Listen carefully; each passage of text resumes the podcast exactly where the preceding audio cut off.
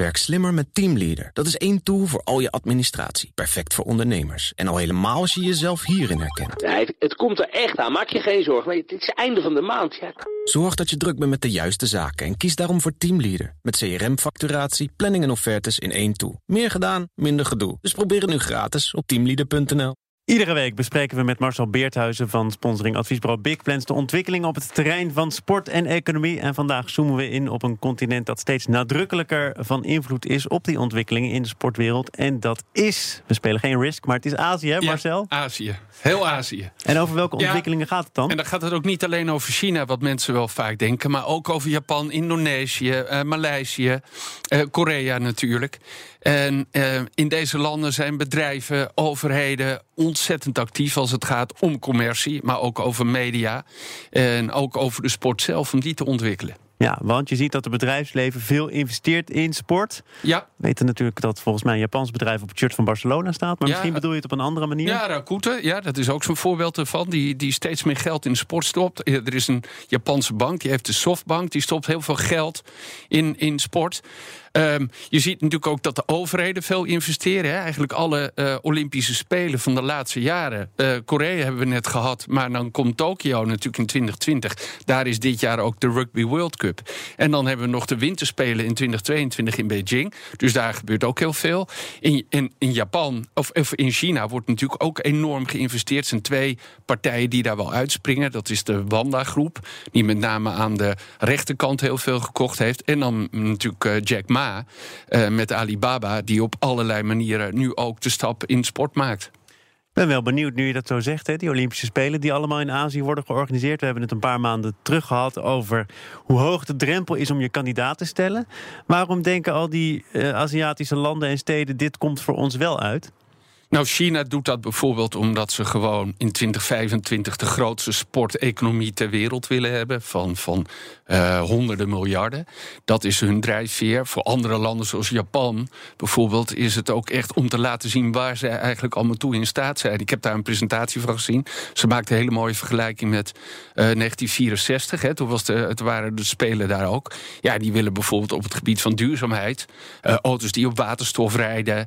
de nieuwste meettechniek om sport te beoordelen, datatechnologie. Dat willen ze allemaal laten zien. Dus het gaat over trots, het gaat over imago uh, en het gaat natuurlijk ook over geld. Dat wilde ik nog vragen, want zij zijn relatieve nieuwkomers, hè? In, in, in, in ieder geval internationaal Japan. voor ons gezien. Uh, doen zij dingen anders dan Nederlandse uh, sponsorbedrijven? Nou ja, zo'n Rakuten, uh, wat, wat een marktplaats is in Japan, ja, die, die gaat nu echt wel groot investeren. En wat je gewoon ziet in deze landen, en dat, dat zal in de toekomst alleen maar groter worden doordat ze die economy of scale hebben, hebben ze zoveel geld en daar ook zoveel geld beschikbaar om, om groot te investeren. En ze, ja, ze halen wel de kersen van de taart af, vind ik. Hè. Dus ze zitten niet in kleine dingen, maar ze gaan echt voor, voor, de, grote, voor de grote spelers. Of het nou in voetbal is of of in andere sporten of Olympische Spelen bijvoorbeeld. Maar dan zouden we dus, zou het dan, ik heb ineens een idee, maar zou het dan zo kunnen zijn dat in het voetbal in Nederland bijvoorbeeld andere keuzes gemaakt kunnen worden om dat sponsorgeld goed te investeren? Ik noem maar het vrouwenvoetbal. Ja, nou, je ziet al hè, dat Ajax veel uh, Chinese sponsors uh, heeft. Die hebben nu vier grote Chinese sponsors, werken samen met een voetbalclub in China en een voetbalclub in Japan. En je ziet wel dat zeker voor Nederland, als je, als je meer geld wil halen uit de markt, dan is onze eigen markt eigenlijk wel uitgekoud. En dan moet je juist de grens over. En aan de andere kant zie je natuurlijk, nou ja, ADO Den Haag is dan een voorbeeld, ook uh, Chinezen die deze kant op komen. Ja.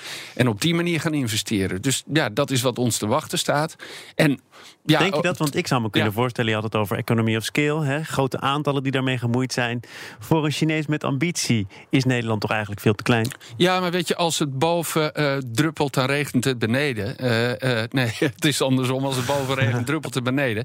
En, en beneden is in dit geval Nederland. Dus ze zullen, zoals dat ook bij ADO Den Haag het geval was, altijd bedrijven zijn. Die zijn nog wat kleiner. Die zeggen, nou, ik wil, ik wil dat het doen. En wij hebben natuurlijk wel, bijvoorbeeld in het voetbal, hele mooie merken. Of het nou Feyenoord is, hè, als, om als voorbeeld te noemen. Die een enorme legacy technologie hebben, ook bekend zijn over de grenzen. En wat gewoon een interessant investeringsvehikel is. In Rotterdam willen ze er nog niet van horen, maar het zal heus wel een keer gaan gebeuren. En is sport zo maakbaar als in Azië, in ieder geval in China, wel eens wordt verondersteld? Want daar zijn ze vast van plan om ook een groot voetballand te worden. Ja. Veel buitenlandse kennis die ze naar China halen. Hè? Guus Hiddink hè, is, is, is, de bondscoach geworden van de, van de Olympische ploeg. Pure liefdadigheid, heb ik wel eens begrepen. maar dat is een andere discussie. Maar kan dat? Kun je zeggen, wij worden vanaf nu een voetballand en daar gaan we volop inzetten? En wordt het dan ook een voetballand? Nou, ik denk in een sport als voetbal kan dat zeker. En dat komt vooral door, door al die aantallen die zij hebben natuurlijk. Dus uh, als ze maar in staat zijn, en dat zie je nu ook heel veel... om de juiste kennis naar hun land te halen... dan kunnen ze daar enorm in groeien. Je ziet dat in China wordt samengewerkt met de La Liga, de Spaanse competitie. Uh, met uh, clubs overal ter wereld. Dus ze zijn dat aan het proberen te importeren. Een tijdje geleden werd er enorm veel betaald... voor allerlei spelers die ze er naartoe haalden. Daar heeft ook de regering een rem op gezet. En gezegd, als je dat doet, hè, we, we, we willen niet dat het alleen maar soort uh, mi, uh, ja, mediocre spelers komen... Mhm. die veel te duur zijn, maar eigenlijk niets brengen. Dus daar hebben ze veranderd. Maar ik denk zeker dat ze in de komende jaren wat dat betreft... in heel Azië enorme stappen gaan maken. Volgende week ben je terug en dan hebben we het over de Super Bowl. Ja. Tot dan, dankjewel. Marcel. Beerthuizen. Werk slimmer met Teamleader. Dat is één tool voor al je administratie. Perfect voor ondernemers. En al helemaal als je jezelf hierin herkent. Het komt er echt aan. Maak je geen zorgen. Maar het is het einde van de maand. Ja. Zorg dat je druk bent met de juiste zaken en kies daarom voor Teamleader. Met CRM-facturatie, planning en offertes in één tool. Meer gedaan, minder gedoe. Dus probeer het nu gratis op teamleader.nl.